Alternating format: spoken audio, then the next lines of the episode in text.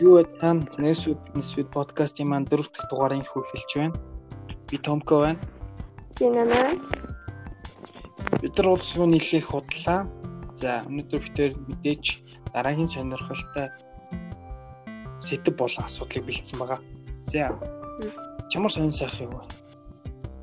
Өө сонир сайхан гэвэл гэртэл байж энэ да хичээлээгээд. Чамар сонир сайхан юу вэ? Их байна. Өчигдөрхөн e-спортын түүхэнд маш том үйл явдал боллоо. Энэ нь бол анх удаа Монгол баг PUBG Mobile-ийн дэлхийн аваргад оролцоод тэгээд тэндээсээ бүр 3 дугаар байрын шагнал аваад байж байна. Үнэхээр их баяртай үйл явдал болж байна. Бүх хүмүүс л баяр хүргэж байна, догтлж байна, баярлж байна. Тэдний тэднэр бахархаж байна. Би ч гэсэн шүн 12 өнгөрж явах тэдний тоглолтыг үзээ сууж л байлаа. Үнэхээр үнэхээр их догтлсон. Тэгэхээр гойч үйл явдал болж байна. E-спортын түвшинд өчигдөг өдрүүд үргэлж ирсэн л байна. Тэгээ яг нь үе спортын талаар хүмүүсийн бодол ч гэсэн өөрчлөлт оруулахар тийм үйл явдлууд болж өнгөрсөн гэж бол би харж байна. Тий, ер нь тэгсэн шүү. Өчигдрийн нөгөө нэг тоглолтын үеэр би e-спорт дэмждэг ээж байна гэх нэг ихч тэгсэн явж ийлээ. Гэр бас баярлал юм байл. Ойлгохгүй байдаг юм байлаа гэж боддог. Нэг иймэрхүү л байна. Тэгээд а гэхдээ нэг ийм амар юм мэдлээ л дээ. Одоо ийм тэмцээн уралдаан шагналаас тэмцээн уралдаанд ороод шагнал авсан бол улс нөгөө 10% татвар авдаг шүү дээ. Авдаг юм байна. 10 10 их байж магадгүй. Тэгээд өөр хэмнэн дэлхийн 100 200 багтаа өрсөлдөө дараа гэж 24 шилдэг 24-т багтаад 24-өөсөө дахиад шилдэг 16-ад нь багтаж орчоод тэгээд эндээсээ өстө өөрөөсөө өөрсдөөсөө хэд дахин илүү их спонсортой хэд дахин илүү бэлдсэн хүмүүсийн гэдэг өрсөлдөөд 3-т орсон хүмүүс. Чүүтэй хайтаа 100 мянган долларыг авчих.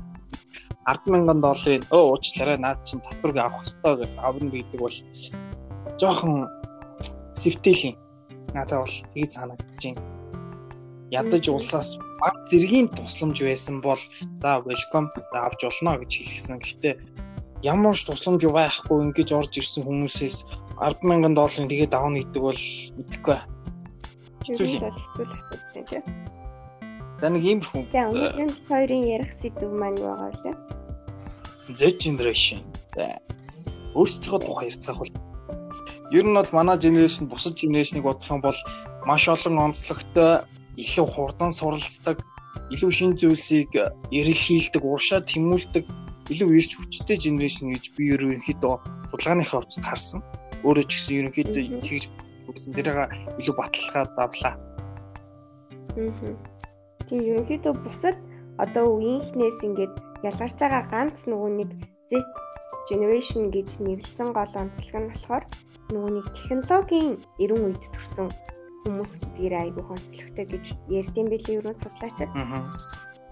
Технологи нөгөө нэг яг технологи ингэж хөгжөөд явсан. Тэгэл бүхэл одоо амьдралын хэв маягийн технологиор суурилчихсан байдаг учраас бидний сэтгэж байгаа бодож байгаа хийж байгаа зүйлүүд нь бусад нэгээс илүү нөгөө нэг онцлог даваа талтай байгаад байдаг гэж үнэлсэн. Тийм бах. Э ялгаа бол ерөнхийдөө сургууль дээр хамгийн их харагддаг шүү дээ. Бид нарт бол мэдээж за ерөнхийдөө ихэнх нь л Generation X бөөмөрсөн хүмүүс байгаа шүү дээ. Бид нэр тэр хүмүүс биднээс үзэл бодлын хувьд бол өөр байхгүй. Сурах арга барилын ч хувьд маш өөр байдаг. Бид нар бол юмыг өөрсдөө оролдоод өөрсдөө хичээгээд бидэн зүгээр багхан юу хэрэгтэй байдаг вэ гэхээр багхан мотивац өгөх ганц зүйл хэрэгтэй байдаг. А харин нөгөө талаас бид нар зааж байгаа хүмүүс маань өөрсдөө болохоор нөгөө нэг чи сурах ёстой гэж сур заалгад сургасаар байгаа тийм зүйлээр бидний заах тохиолдол байна. Энд дээр бол хамгийн наад захын ялгаа байна. Тийм, ер нь аль тийм шүү. Тэгээд би нэг ажил дээр юу хийж байгаа юм л да. Бид нар дэлгэц суйрлуулах гал чинь тэгээд тэр дийлэг чинь бас зүгээргүй шүү дээ. Бүх дийлэгчийн холбонгуудаа нөгөө нэг бүх зүйлийн код няаны ингээл баах юм хийдэг. Тэгэнгүүт нөгөө нэг ахнаар тэрийг ажиллуулж чадахгүй болоод ирэхээр нэг нэг рүү ингээл залгаал яах вэ гэвэл тэрийг ерөөсөө 2 3 удаа заалгаад сураагүй хүн байгаа байхгүй юу. А тэгсэн чинь яг надад хамт нэг ах нэг байдгийн. Тэгэл тэр ирээл ерөөсөө юу ч мэдэхгүй зүгээр л анх удаа ажил тэгэл нөгөөх хаард ингээл оролцож сууд сууж байгаа асаачдаг юм да. Энэ дээр хүртэл наад захын ялгаа гарчлаа. Бид нар бол технологитой илүү ойртой сурцсан илүү даяарчсан нийгэм байгаа учраас бидний үзэл бодол нэгт өөр. Хоёрт болохоор бидний амьдралын хэм маяг бүр кейс өөр Тэс тэгээд бидний хим химжээ бас нийгэм хим химжээ бас арай өөр байх шиг байна. Тэгээд нөгөө технологи нь ингээд өөрчлөгдөв, шинжлэгдээд хувьсгын хэрээрээ тэрэндээ нөгөө тасан зохицох чадвар нь айгүй хурдан өөрчлөгдөж идэг. Одоо нэг юм дээр байнга төвлөрөөд байхгүй. Тэгээд тэр нь өөрчлөгдөв, шинжлэгдлээч гэсэн тэрийг айгүй хурдан сураад тэрэндээ тасан зохицох чадвар нь айгүй сайн гэж үнэд бол түгэнж байгаа юм. За тэгээ би нэг судалгаа харлаа л да ер нь Z generation-ыг аа яг ингээд олон улсын судлаачид юу гэж дүгнэж юу гэж харддаг юм байна гэж жоохон судлаа. Аа. За тэрэн дээр болохоор аа мэдээж олон ажлыг зэрэг амжуулж чаддаг гэд нэг тал гарч ирлээ л дээ. За. Нэг зүйлэн дээр одоо ингээд төвлөрөөл яг л за би энийг хийх ёстой гэж төвлөрөөд байхаас илүүтэйгээр тэрийгээ чи чинь тайвар хажуугаар нь ийм юм хийх боломжтой айгүйх нөгөө нэг завгүй дээрээс нь цагаа айгүй зөв ашиглаад өөрийгөө хөгжүүлж чадах тэр юмнууд руугаа ингээд олон тал руугаа ажиллаж чаддаг. Тархин нэгсэндээ нөгөө тархин олон тал руу зэрэг бүхэн чадвараа тэгж ажиллах чадвартай байдаг гинэ. Аа. Наад захын жишээ баг чи вэ нүг үү? Тийм би бас өөрийгөө бодлоо л та. Тийм ээ чи ер нь л чи юм байна. За Дараагийнх нь болохоор эрт ихэлдэг гинэ. Одоо альва зүйлсийг бусад үеийнхнээс эрт. Одоо яг ингээл харангууд тий айгүй эрт одоо стартап бизнес эхлээд явцсан хүмүүс байна. Айгүй эрт одоо багш болсон хүмүүс байна. Тэгээд одоо нөгөө нэг жоохон хэд математик бол ерөөсөө нөгөө нэг тоол гэдгийг харуулж ийн л гэж би нь бодож байгаа л өөрийнхнийгаа. Аа. Айгүй залуу залуу профессорууд хүртэл гарч ирж байна. Тэгэхээр тэд нар болохоор бидний позишн гол онцлог нь эрт эхлэгчэд байдаг гинэ. Ерөөсөө юмыг хүлээгээд тэгж удаадах шаардлага байхгүй. Аль ч насан дээрээ чадвартай л болвол тэрийг ингээ хийж чадхаар бие даасан хийх гарч ирж байна гэж одоо нөгөө өмнөх үеийнхэн маань одоо бидраас айж эхэлж байна. Айж эхэлж байгаа гэдэг нь надад жоох юу санагчлаа. Дарангуулагчд болсон ч юм шиг. За дараагийнх нь болохоор нөгөө тогтсон хэв маяг юусоо баригддггүй гинэ. Аа. Одоо бидрийг ингээл 10 жил ерөнхий боловсролын сургуульд ч юм уу ингээд байж хахад хайрцаглах гал үзэлээд штеп. Тэнгүүд нөгөө аль болох эрх чөлөөтэй байхыг хүсдэг. Эрх чөлөөг илэрхийлдэг. Аа. Хэв маяг юусоо баригдахыг хүсдэггүй. А тэгээд энэний илэрлийг нь би ингэж ойлгосон. Одоо 10 жилд байгаа сурагчд маань ч юм уу тий нөгөө нэг боловсролын системээ ингээд юу яагаад шүмжлэлтэй хандаад байдаг нь бас энтэй холбоотой болов гэж ойлгосон. Манай боловсролын систем бидрийг нэг л тогтсон хэв маягтай байлгаа чи эндээс хайрцаглалцдаг. Тэгэнгүүт яг одоо Z generation тэр суралцж байгаа хүмүүс маань өөрсдөө их чөлөөтэй тэр хайрцагнаас гадуур сэтгэгээд байдаг учраас тэр систем дээр жоохон шүмжлэлтэй ханддаг юм болов гэж бодсон. Аа. Зөв зөв. Магадгүй л юм. Яг нь миний одоо бодож байгаагаар бол өөрийн гэлэрл нь болохоор нөгөө нэг ээж уцаа бол гэж хэлэхэд юм шүү. Би ингээд чөлөөтэй утгацаа орломороо тэгээ гэсэн чинь бойл гэдэг үгүй жоон дургуур те. Бараг юм шүү. За тэгээд бас давуу талын хажуугаар сул талуудаас айгүй байгаа юм л да. За. Тэгээд сул талуудыг нь бас харсан чинь ер нь бол айгүй хүлээн зөвшөөрөхөөр гэдэг байхгүй санагдсан. Угаасаа л уу? Тийм угаасаа яг нэг надад хүртэл аа ажиглагдж байгаа зүйл учраас хүлээн зөвшөөрж байгаа байхгүй юу. За нэгдээс болохоор одоо нөгөө нэг олон ажлыг зэрэг амжуулдаг тархины тийм потенциалтай учраас одоо удаан төвлөрөхөд баг зэрэг хүндрэлтэй. Нэг зүйлдээ удаан төвлөрөх чадвар дээрээ баг зэрэг хүндрэлтэй гэж хэлсэн. За Дараагийнх нь болохоор сэтгэл зүйн маш тогтворгүй байдаг. За тийм ээ. Тийм айгүйх нөө сэтгэлийн хөдөлгөөнтэй сэтгэлийн хөдөлгөөнөөрөө юм ханддаг. Агдгүй зүгээр бид нар шинэхэн хүмүүс болохоор тэгж байгаа хэл та. Туршлагажаад яг Z generation туршлагажаад нэг амьдралаас нэг юм хүм сураад ирэхээр бас наад онол чи өөрчлөгдөж магадгүй. Одоогор нөгөө нэг стажийн залуу халуун насан дээрээ явж байгаа юм чинь тэгэл тодорхой шүү дээ. Яг энэ үед л стажийн сэтгэл зүгээрээ ханддаг үе гэж ярьдаг шүү дээ. За. За тэгэнгүүт дараагийнх нь болохоор хариуцлагын тал дээр юу нь бол тааруу муу. Хариуц бүтээх чадвар дээр. Аа. Маадгүй шүү. Тийм яг ингээд тийм юм хийгээл явж байгаа л яг тэр одоо жишээлбэл play гэж утгад хариуцлага хүлээх хүнээ ингээд тайнгууд одоо жишээлбэл Z generation-ы 5 хүн нийлээд юм хийгээд тэр нь бүтлгүүтлээ гэхэд хариуцлага хэн үлээхээ мэдэхгүй байдаг ч юм уу тийм. Тиймэрхүү тохиолдлуудаар жишээ авсан бэлээ л дээ. За. Тийм. Тэгэхээр ерөнхийдөө бол хариуцлага хүлээх чадвар дээр тийм таархан гэж бидрэгдэг юмсан байлээ. Тэгэхээр заримтай нь бол санал нийлээд заримтай нь бол яг байж болох юм гэсэн тийм бодлууд бол төрсөн. Яг бол санал нийлэхгүй нэгсэн юм бол байхгүй наа. Тийм байхгүй байна. Ерөнхийдөө бол зарим нь бол яг надтай бол таарад а зарим нь болохоор нэрээ тийм ч юм уу даа гэж үсэг. PB юм биш тий 50 50 тий. Аа. Нэг асуулт байна л да. Чи яг юу гэж бодож байна? Яагаад юу бидний сэтгэл зүй тийм докторгүй байгаа даа? Яа, why? What is the problem? За тэрийг бол яг ингээд яг хэлийг ивэл үнэхээр тодорхойлох тодорхойлолт бол надад байхгүй л юм л да. Өөрөө ч гэсэн яг нөгөө тийм сэтгэл зүйтэй хүн болохоор нэг гинт баярлал, нэг гинт уурлал, нэг гинт амар юм орол гэнэтэй ч юм уу. Аа. Тэр одоо яг л нөгөө нэг тэдний тодорхойлсноор бидний нөгөө нэг Z generation-ы онцлог буюу онцлог нь юм байлгүй гэж бол би сая бодлоо. Дургуй сэтгэл зүйтэйгээд. Аа. Нэг Альва зүйл нөгөө сэтгэлийн угаараа биш ээ. Сэтгэлийн угаараа ч.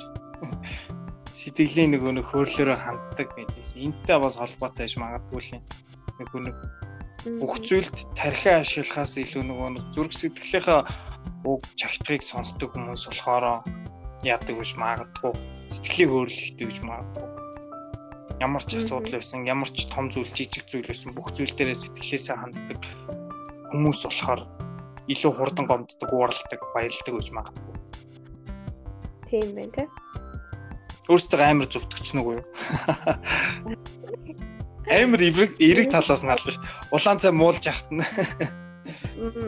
Гэтэ яг нөгөө нэг бид нар дээр ингээ илэрдэг өдөр тутамдаа тэд нартайгаа нүүр тулж байгаа болохоор ер нь бол хоёулаа бол амар сайн ойлгох шиг байна. Магадгүй хоёулын сайн цуг өөр үеийнхний хүн байсан бол энийг бас тий одоо эсэргүүцээ ч юм уу арай өөр талаас нь хийх байсан. Магадгүй.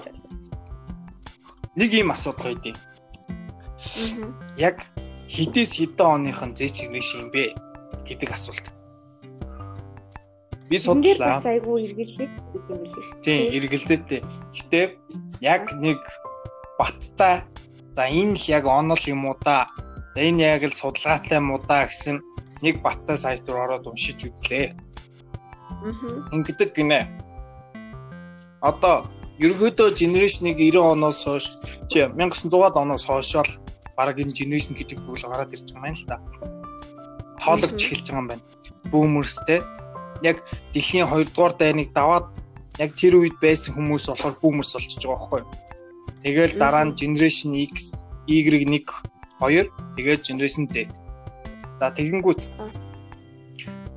хамгийн за он цагийн хувьд хамгийн ээдрэттэй байдаг Generation Z.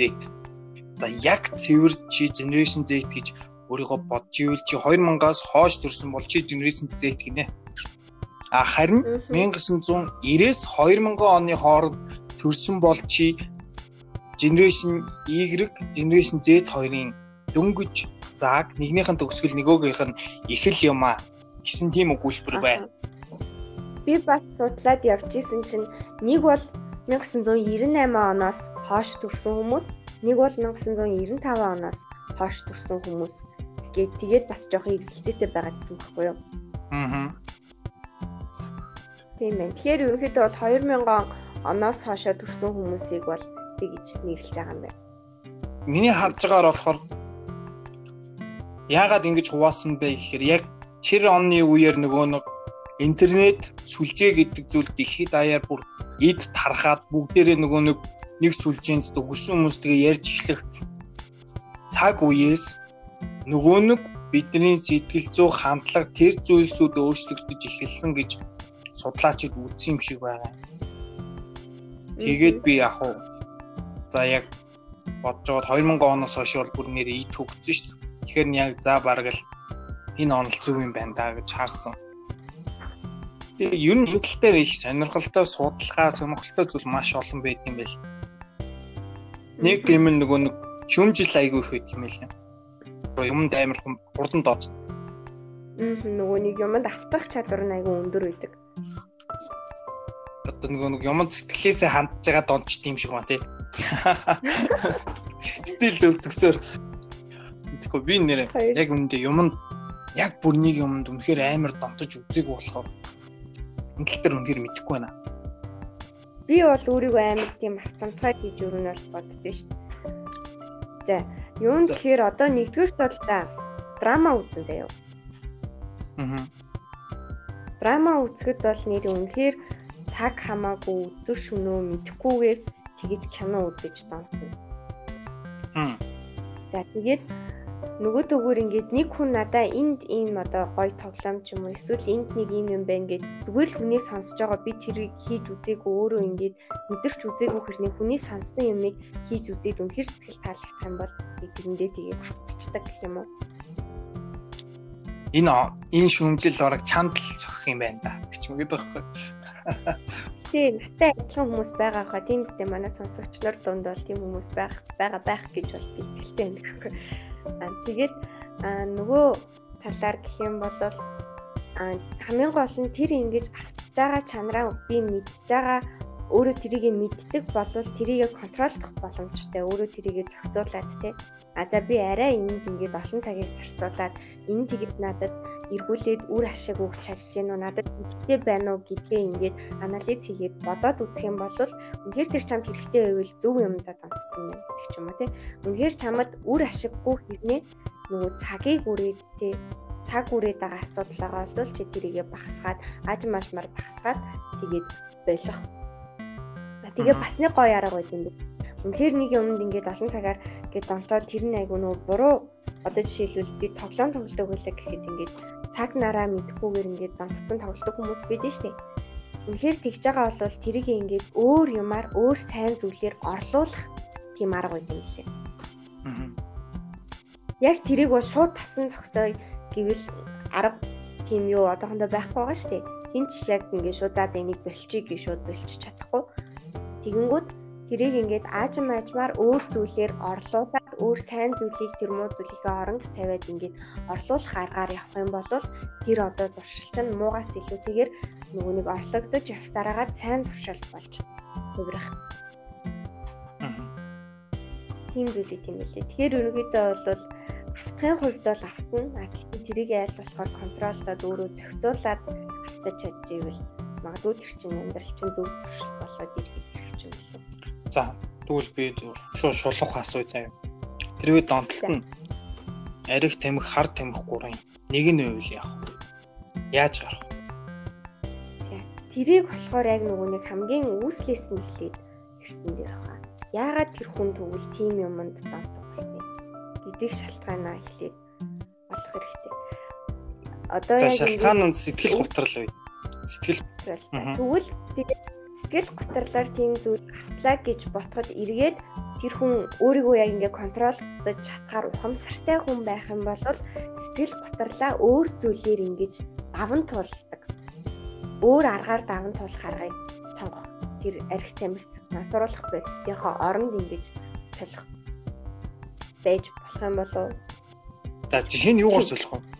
За жишээлбэл яг ингээл амар ачамдаал жоохон сэтгэл санаагаар унаад эхэлвэл гараа жоохон салхинд алхахдаг ч юм уу эсвэл одоо нэг туртай сериалаа үздэг ч юм уу.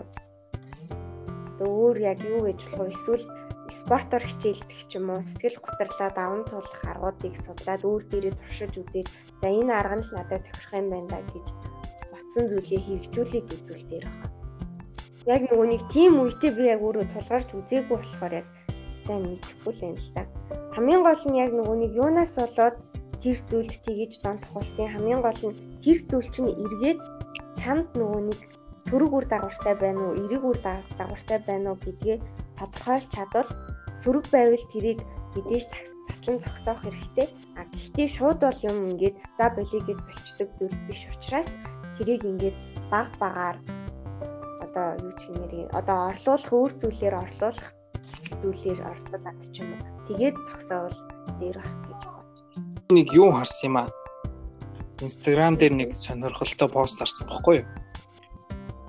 Дэмжээ сайжруулахад туслах хэлбэр аргууд гээд нөгөө нэг цойлогсод зэт гээд нөгөө нэг юу гэдгийг зэ генерашн зориулсан нэг тийм ууц байдаг. Энд дээр одоо нөгөө нэг альфа вев гэдэг зүйлийг хайгаа сонсоод үзээрэй гэд их тийм зүйл байгаа байхгүй юу? За. За чи нэг бас хайгаа сонсоод үзчих. Хоёлаа зэрэг сонс. За иймэрхүү ай юм байна тий. Аа. Зя. За. За бит хоёр э, подкаста хальт зогсоогоод альфа вей гэдэг гэдгийг сонсож үзлээ хамт. За тэгээд энэ яг ямар учиртай юу юм бэ гэж жоохон судлаад үзэхээр нөгөө нэг тархиныг хурдан ажилуулах, юмыг хурдан ойлгох, хурдан унших гэдэг тархины үйл ажиллагааг илүү сайжруулахад хэрэгтэй дуугаралт э, тэр гэрц одоо тэр давтамжийг давтамжтай аялгауг л альфа вейв гэж нэрлэдэг байгаа юм л да. Тэгээд би энийг сонсоод яг юу бодсон бэ гэхээр яг үүндээ нөгөө нэг энэ гурван тэр аимшигт гурван донтсон тэр зүйлээс гарахын тулд яах ёстой вэ гэхээр юуны төрөнд өөрийгөө хүлээн зөвшөөрөх ёстой гэдэг. Тэр ч юм хард тамхинаас гаргаж байгаа тохиолдол. За хүлээн зөвшөөрөх гэж. За өөрийгөө донцсон гэдгийг хүлээн зөвшөөрөхийн тулд чи эрүүлэр яг чиний зөвхөн тархичнд бодож байгаа сэтгэл зүгээ бүр хайчих хэрэгтэй. Зөвхөн тархичин бодох тэр нөхцөл байдлыг үүсгэх хэрэгтэй. Тэхийн тулд энэ альфа вей гэдэг зүйл туслах юм болов гэж миний зүгээс харсан. Тийм учраас би ийм асуултыг тавиад энийг чам сонсгосон сонсоод яг юу бодогдсон? Ер нь бол айгүй тийм тайвширч байгаа юм шиг мэдрэмжийг авсан. Тийм баа. Хэсгэн зурд ингээд. Тийм стресстэй байгаа л би эсвэл айгүй их тийм юм бодоол ялангуяа өмнөдөө хүмүүс чинь айгүй деталь боддоо шүү дээ нэг юм. Зүгээр ингээд ерөнхийдөө өөр нь харчих юм байлаа гэж бодоод тэрийг чинь айгүй детальчлал бол тэрэндээ өөрөө стресстэй л гэдэг хүмүүс ихгүй. Тэгэнгүүт яг ингээд саяны аяг сонсоход бол айгүй тийм тайвшраад төвлөрөх төвлөрч чадах гэх юм уу? Тиймэрхүү мэдрэмж байна. Нөгөө нэг ингээд тийм байна л та. Бидний яг үүндээ нүд одоо бидний нөгөө нэг 5 мэдрэх байгаа шүү дээ. Энэ бүх зүйл тархинд байнга ингэж мэдээлэл өгч идэг. Одоо жишээ нь бид нар хүмүүстэй уулзж байхад яг үүндээ кармантахыг харсан харсан л байдаг байхгүй юу? бүгдийг мэддэг л байхгүй юу? А гэхдээ бид нар тархинд нөгөө нэг тэр зүйл чинь байдаггүй одоо бид нар яг өөрсдөө мэдхгүй гэхдээ аль хэдийн тархинд хадгалагдсан тэр мэдээллийг аль хэдийн боловсруулсан байдаг юм байна л та.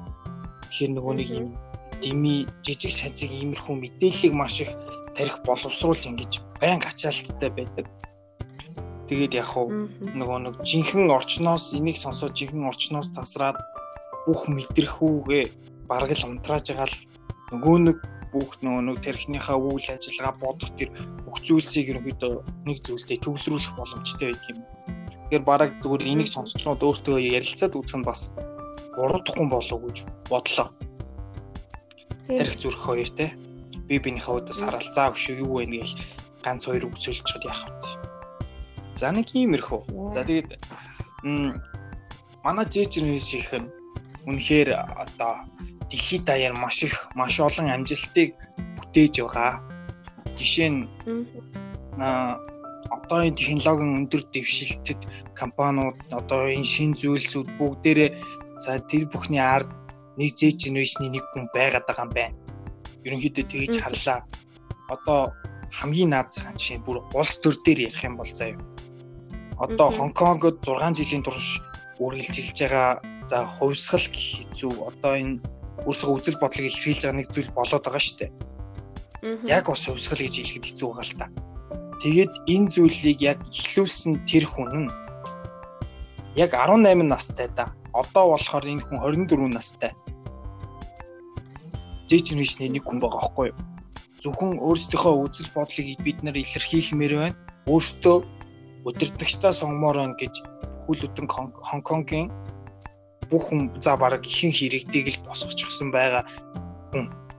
Бас нэг одоо хүмүүст нэг мессеж өгж байгаа нэг хүн байгаа байхгүй. Бас өөр нэг жишээ гэх юм бол өчигдөрхөн нөгөө нэг дэлхийн аваргын 3 дугаар байранд орсон манай Зевсийнхэн байна те бүгдээрээ зэжнэшнийх хүмүүс нэг бүх зүйл нь одоо next level одоо зөвхөн тэр зүйл бүгд бүх анхаарлаа хандуулчихсан хүмүүс байгаа. Үүнийхээ ачаар одоо амжилтанд хүрж ийн гэдгээ ч гэсэн харуулад авлаа. Өөртөө нь адилхан бас энэ зүйлээр амжилт олохыг хүсдэг хүмүүст бас нэг түлхэц болоод өглөө. Ер нь бол энэ тэмдэл зээж нээшнийхээ амжилтыг гаргасаар л байна. Ер нь бол яг ийм зүйлийг хийх боломжтой шүү. Одоо эндээс ингэж хайрцагнасаа гадуур сэтгэх боломжтой гэдгийг л айгүйх харуулж байна л. Z generation-ийн ер нь бас нэг нэг онцлогийг нь хараад тахад бол манлайлах хурц чадвар айгүй одоо төрлөхөөсөө манлайлагч хүмүүс гэж ер нь бол үеийнх ингэж тийм байна л та. Одоо өмнөх үеийнхнүүдээс ингээд яг харьцуулаад харах юм бол социалист нийгэмч гэдэг юм уу те коммунист нийгэмд амьдарсан хүмүүс яг ингээд нэг л хэв маягаар амьдардаг ард иргэд нь одоо тийм нөгөө нэг нийгмийн одоо давхаргаараа хүртэл ингэж яг л нэг хэв маягаар ингэж байдаг. Аа. Тэгэнгүүт яг generation Z төрсэн хүмүүс болохоор айгүй их чөлөөтэй тэгээд түүнийгээ дагаад бусдыг манлайлах чадвар, бусдыг урайлан дуудах чадвар, бусдыг одоо итгэж үнэмшүүлэх тийм чадварууд нь илүү хөгжсөн төрөлхөөсөө тийм чадвартай хүмүүс байдаг гэж. Тийш наад хаан бид нар маш амар нээлттэй хүмүүс шүү дээ наад захын жишээ нь төр шүү дээ. Үнэхээр бит хоёр би бинийгаа таньдгүй хоёр байсан. Гэтэл яг үүндээ хамгийн анх ярьсан тохиолдол бит хоёр ихний подкаст л байхгүй. Тэгэхэд бит хоёр бол тийм баг анхныхаа үнэхээр нээлттэй байсан шүү дээ. Ааха. Тийм тийм. Өө яг үндэ би нэрэгч мэдэхгүй байсан шүү дээ. Би сачны нэрийг мэдэхгүй байсан. Тэгээд ихний подкаст төр мэдсэн. Тэгэхээр яг хуу дурын хүмүүстэйгээ нээлттэй харилцах чадамж байгаад байна бид. гэж харж байна. Аа. Гэтэ энэ үүний хажуугаар маш олон сул тал байна. Үнэхээр бүтэхгүй зүйл нилээ их байгаа. Наад захын жишээ сая донтолт байлаа шүү дээ. Одоо дараагийнх нь бид нэр амар залхуу хүмүүс шүү дээ яг үүндээ л. Гэтэ чамааг бол хэлэхгүй. Гэтэ сонсогч дунд бол яг одоо залхуураас сууч хүмүүс үл яг үүндээ байж л байгаа. Би ч гэсэн залхуурч байсан. Хэмжээнд бол хүн угаасаа залхуур байх нь тодорхой. Энэ залхуурлыг яг би юу гэж ойлгоод байна вэ гэхээр одоо яг бидний чинь нөгөө техник технологитой одоо 90 үед төрсэн техник технологи хүрээлүүлсэн хүмүүс учраас илүү их нөгөө нэг амарчлах сэтгэлгээтэй гэх юм уу.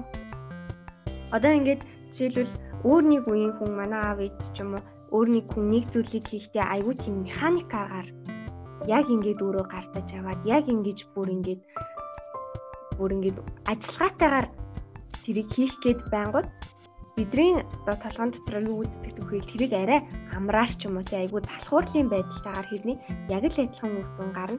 Гэхдээ илүү нөгөө нэг амар аргаар бүгд айгу хуснаар тгийж шийдэх чадвартай гэж харсан. Тийм тийм. Чи бол илүү том зүгээс хараад байна л та.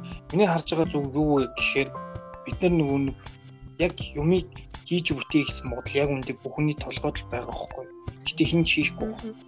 Би жишээ нь яг үндэ багаасаа нэлээд багасаа за баг дундаа ингээд орох орохдоо яг за би нэг юм нэвтрүүлгийн хөтлөгч болъё гэж амар их боддог байсан. А гэхдээ яг үндэ энэ мөрөдлийн биелэл дөнгөж саяхнаас эхэлж байгаа байхгүй. Би энэ хүртэл яг үндэ юу ч хийгээгүй байна. Би зүгээр л бодож исэн. Яг үүнтэй адилхан яг одоо байж байгаа хүмүүс маш олон байгаа. Тэгэхээр бид нэр нөгөө нэг бүтээх гэсэн бодол байгаад байгаад байгаа хэрнээ юу ч тэрнийхээ араас юм хийж чадахгүй гад зүгээр суугаад байна гэж хэлээд байгаа байхгүй. Бас өөр нэг жишээ хэлэхэд яг үүндээ улс орны байдал бидэнд таалагддаг. Нэгт хоёр толгой нөгөө нэг боловсролын систем гэдэг зүйлийг яг үндэ сурах болгон л муулдаг штеп. Багш болгоно л муулдаг штеп. Бид тэгэхээр гэтээ яг ч үндэ нэг ч хүүхэд босч ирээл биднэрт ийм байна. Цогцолж өгөөч. Энэ асуудлаа шийдээч гэж хэн ч хэлээг болохгүй. Бүх хүмүүс л за бидний эрх зөрчигдөөд байна гэж яг тэгээ сошиал ертөнцийн хараас те бүгд хийлж идэг. Гэтэ яг үндэ босоод ямар нэг зүйл байгаа юм байхгүй.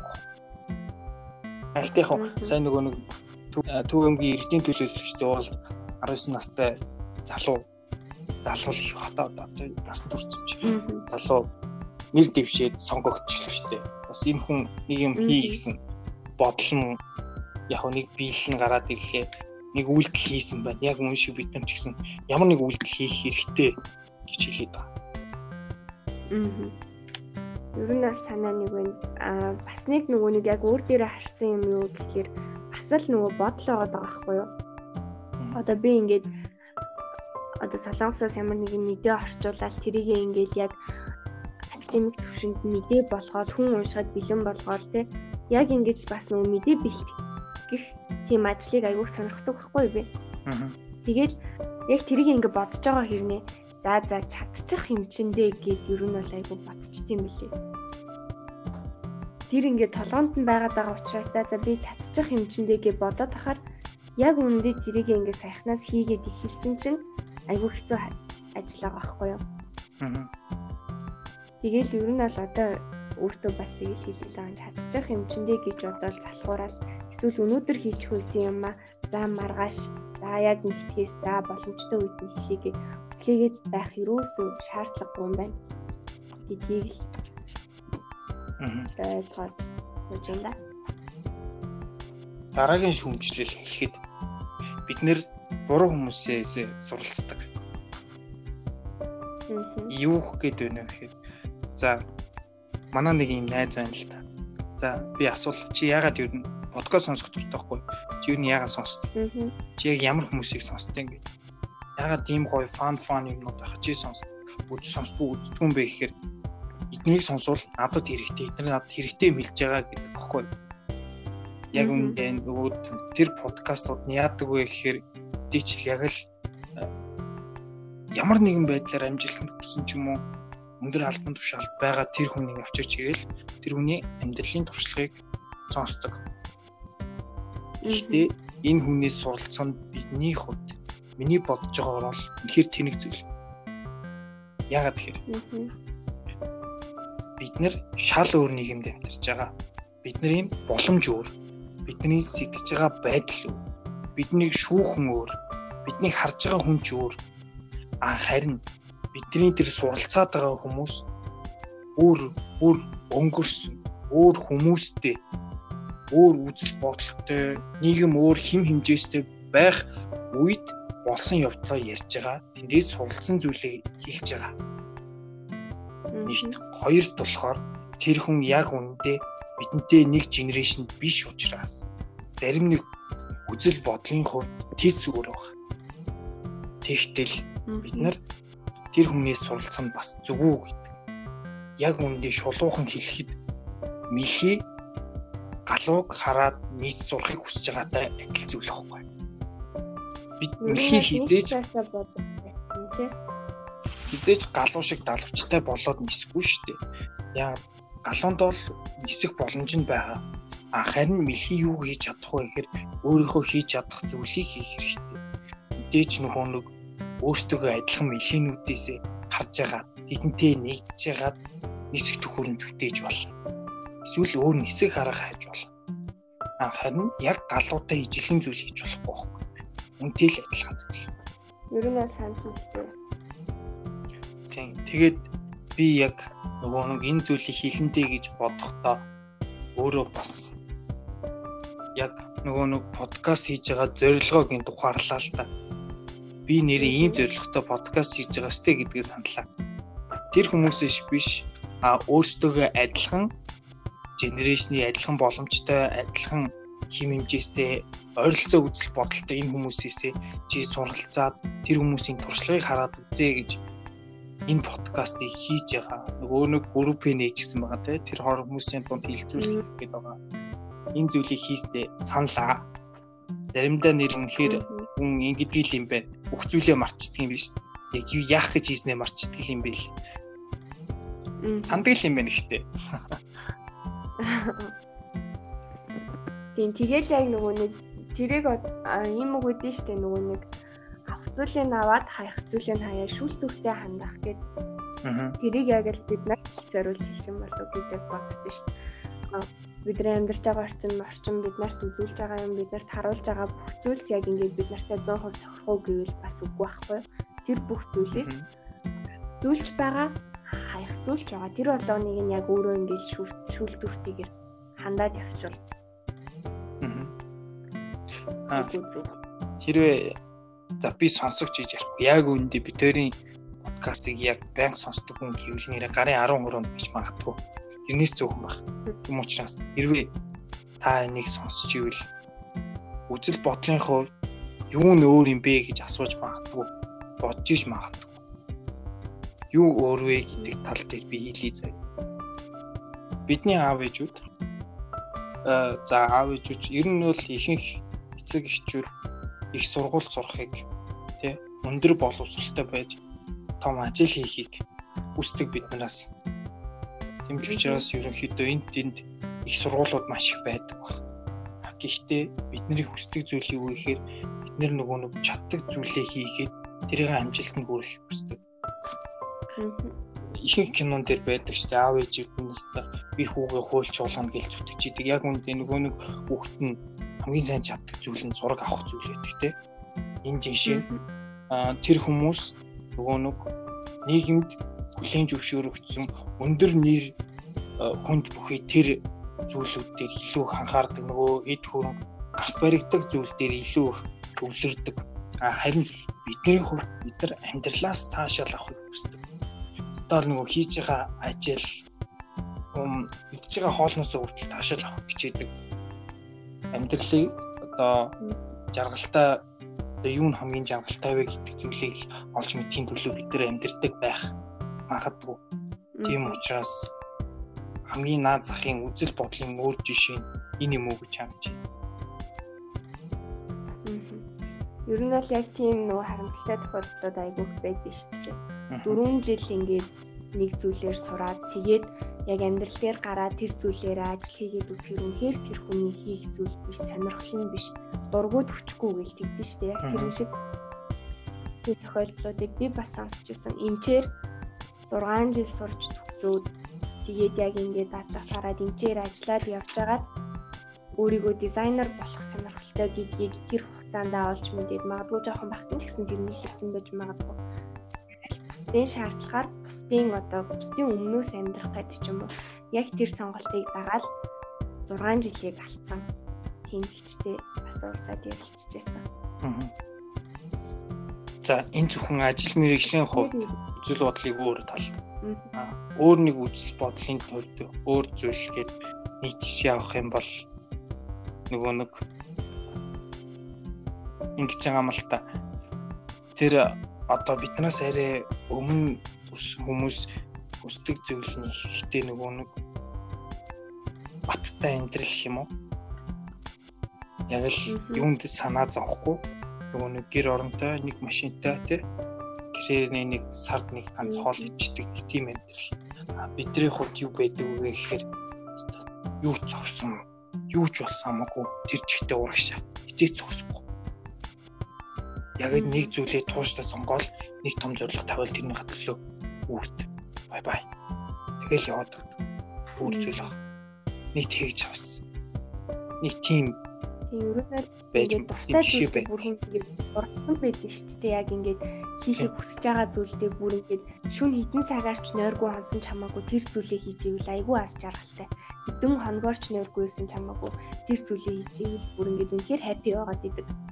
Аа энгийнээр бол ерөнхийд бол бид нар илүү сэтгэл зүй нөгөө нэг аж аргалыг хүсэж байна. Бид нар болохоор илүү нөгөө нэг аливаа зүйл бүр үнэхээр логиктой ханддаг.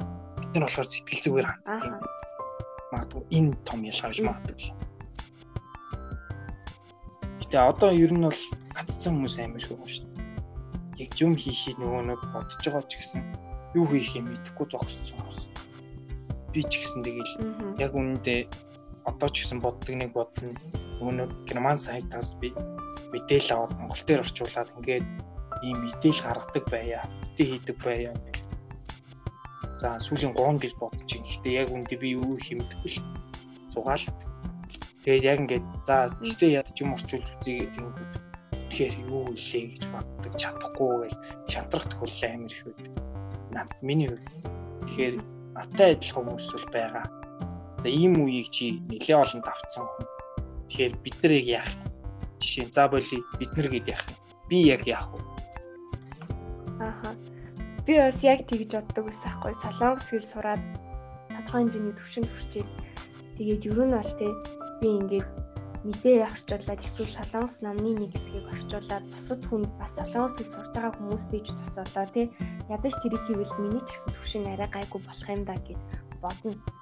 Тэгэнгүүт яг миний нөгөө нэг амьдралдаа барьдаг зарчимж гэх юм уу манай их чинь хэлсэн үг гэх юм уу яг тэр үг бол миний толгоонд бүр яг амар суусан байхгүй юу.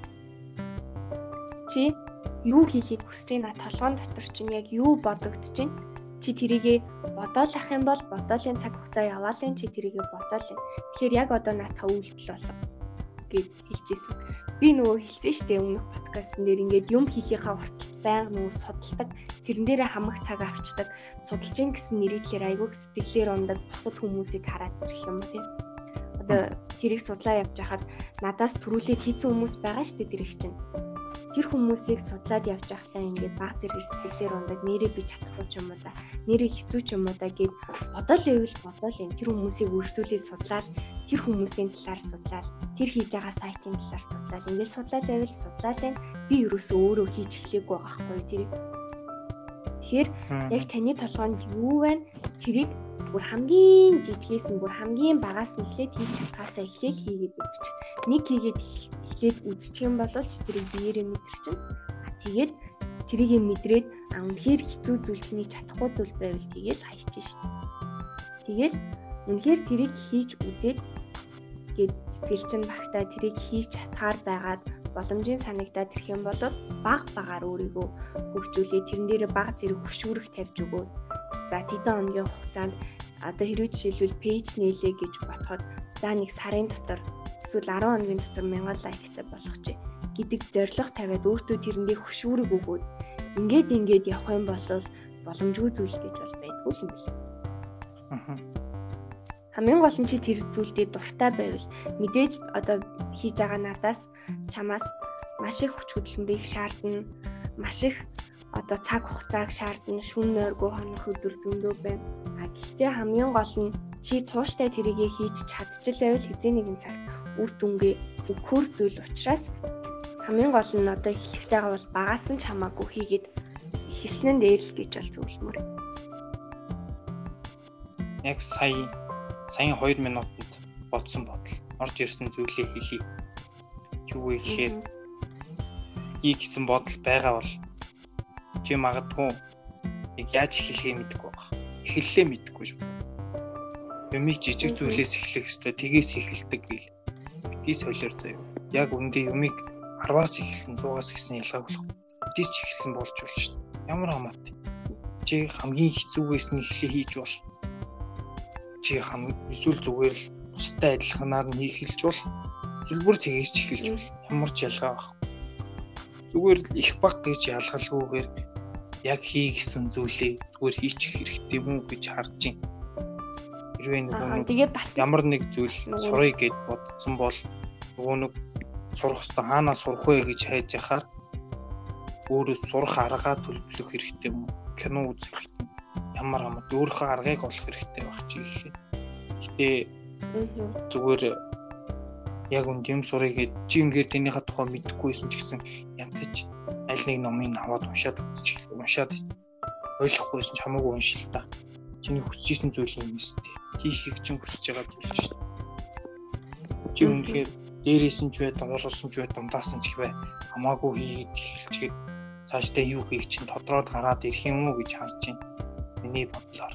Тийм. Тэгээд бас нэг хэлэх зүйл юу гэхээр эхлэл юмны эхлэлийг тавиад хийгээд эхэлчихэл юм бол тэр бол үлдсэн үр дүнгийнхаа 50% гэд ярьдэн шүү дээ. Энэ бол бүр яг үнэн. Бодоол яваад байвал яг ингээ бодол тунд тэр чинь ингээд бит болоогүй те юу ч болоогүй зүгээр л бодоо яваад байгаа. Яг хийж эхлээд баххан ч гэсэн хамаагүй чи тэр зүйлийг хийж эхлэх мэдээлэл үзчихэл юм бол чиний хийх байгаа үр дүнгийн чинь чи өөр одоо 50%-ийг нь хийчлээ гэсэн. За тэгвэл хоёлаа яг адилхан Z generation-та нэг нэг том зүйлийг зөвлөөд өнөөдөр дугаараа тусах юм. За сая ч бол өөрийнхөө санаа бодлуудыг маш их хэлсэн. Мэдээч энд зөв зүйл байгаа, буруу зүйл байгаа. Авах их ухаанаар хандаарай. Энэ бол зөвхөн миний бодол. Хэрвээ таны бодол өөр бол мэдээч бидэнд илэрхийлэхийг хүсье. Яагаад тэгэхээр бид нар бит хоёр бид нар ч гэж яг үндэ бит хоёр та бүхний бодлыг сонсох та бүхэндээ бодлоо хуваалцах илүү хүсдгийн шүү. Яг үндэ энэ зүгээр та бүхний яриа суугаад байгаа хоёр нөхөр биш шүү яг гол зорилго маань та бүхний бодлыг сонсох шүү. За юу гэж зөвлөх вэ гэхээр нөгөө сая хэлсэн шиг анаас нь ч ихэлсэн хамаагүй зүгээр юу ч биш хамаагүй хийхэд үзээ. Аянда бүх зүйл чинь тодорч магадгүй. Хэрвээ чи зээ генерашны хүн бол чамд боломж байна уу гэж хайхаас илүү боломжийг чи ярж өөртөө үүсэх вэ гэж бодох хэрэгтэй. Тэрийг хийх хэрэгтэй яг үнэндээ тэнэг хүн боломжийг алддаг. Харин ухаантай хүн боломжийг ашигладаг. Харин зээж нээшин бол боломжийг үүсгдэг. Бид нар бол төсөөр хүмүүс. Үүнийг ойлгох хэрэгтэй. Тэгэхээр хийгээд эхлэхэд аяндаа боломж чинь гарч ирнэ. Шантарч болно. За яах вэ? За яах вэ гэд дахиад хийгээд үзэхэд алдах юм чам байхгүй байхгүй. Алдсан ч яад юмаагүй шүү дээ. Алдаал бол алдаа. За ийм л зүйл хийх байна да. За миний хэлэх зүйл болохоор нэг юм хийгээд эхлээд тэгээд аа түүнийхээ яг ингээ хийх явцдаа ядарлаа гэд юусоо зогсдог биш харин хийж байгаа зүйлээ дуусгаад үр дүнгийг харчаад зогсдог хүн байгаасай гэж та бүхнээс хүсэж байна. Аа яг ингээд айгүй би өөрөө болохоор яг айгүй олон ажлыг зэрэг амжуулахыг амар хүсдэг. Тэгээд тийм төрлийн хүн баггүй юу. Тэгээд олон ажлыг зэрэг хийгээд эхлээд олон зүйлийг зэрэг ингээд бодоод яваад тахлаар дундаасаа зарим нь ингээд хаягдах зүйл айгүй их байдаг. Дундаасаа шантраад зарим хийжсэн зүйлээ ингээд тал дутуугаар нь орхих тохиолдол айгүй их гардаг л да. Тэгэнгүүт яг өөрийгөө юу гэж урамшуулж өөрийгөө юу гэж одоо мотивацжуулах вэ гэдэг бол таны сонголт. Хамгийн гол нь ядарлаа гэдэг нэг шүний нойрондоо дарагдаад ядарлаа гэд зогсох биш тэр зүйлээ дуусгачаад зогсож чадвал үнэхээр та өөрийгөө даван туулж чадчихин те өөртөө өөрсөлтөө өөрийгөө ялч чадчихин гэж ойлгоорой гэж үзэж байна. За энэ хүн гээд бид хоёр Нэшэ Принцвит подкастын дөрөв дэх дугаарыг өндөрлөе та. За тэгээ.